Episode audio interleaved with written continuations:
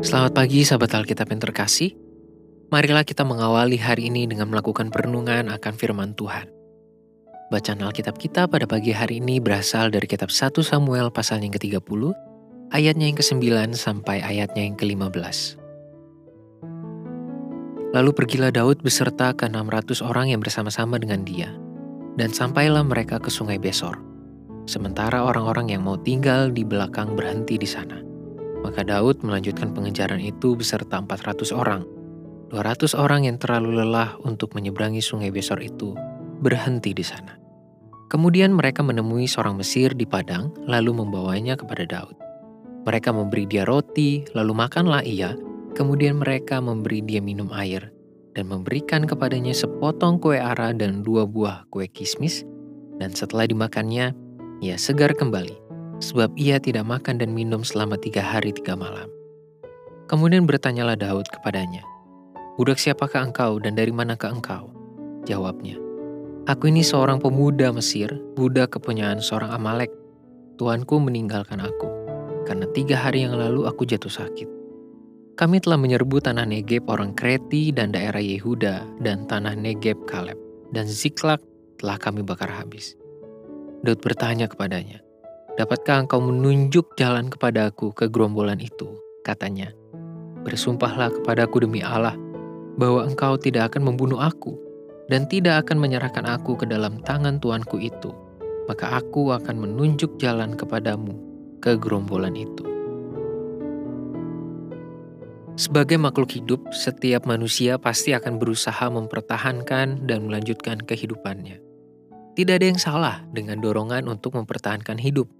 Persoalannya justru terletak pada cara manifestasi dorongan tersebut.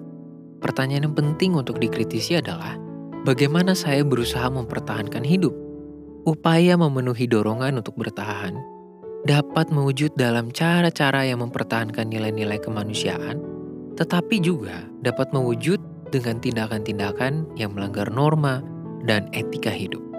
Pilihannya selalu berada pada diri masing-masing individu. Tindakan Daud beserta orang-orang yang mengikutinya di dalam perikop ini pun menjadi sebuah contoh pentingnya mempertahankan nilai kemanusiaan dalam menjalani kehidupan. Di tengah pengejaran yang penuh dengan kemarahan, kekecewaan, kesedihan, dan keterbatasan, mereka tetap mampu menghargai solidaritas rasa sebagai sesama manusia yang perlu mempertahankan hidupnya.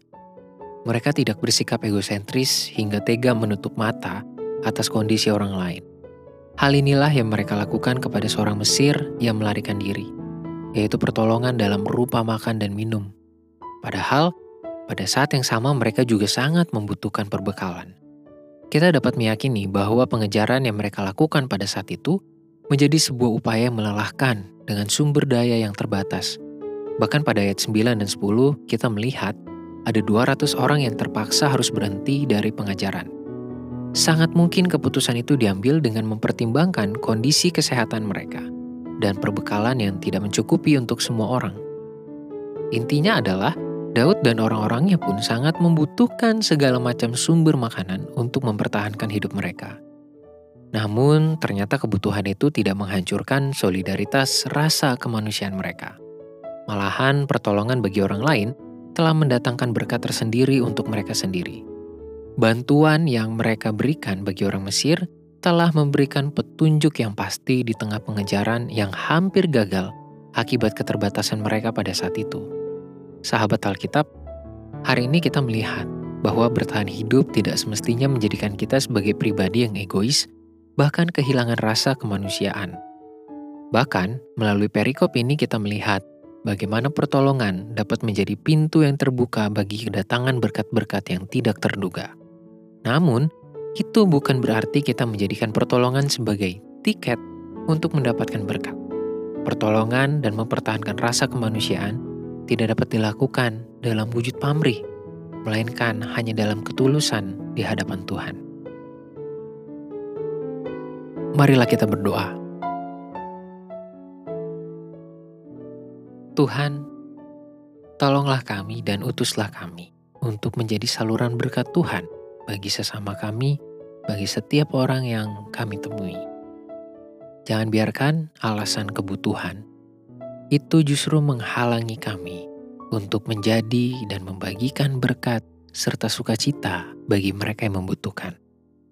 Tolonglah kami Bapa, biarlah kami melakukannya di dalam ketulusan. Hanya di dalam nama Tuhan Yesus kami berdoa dan mengucap syukur. Amin.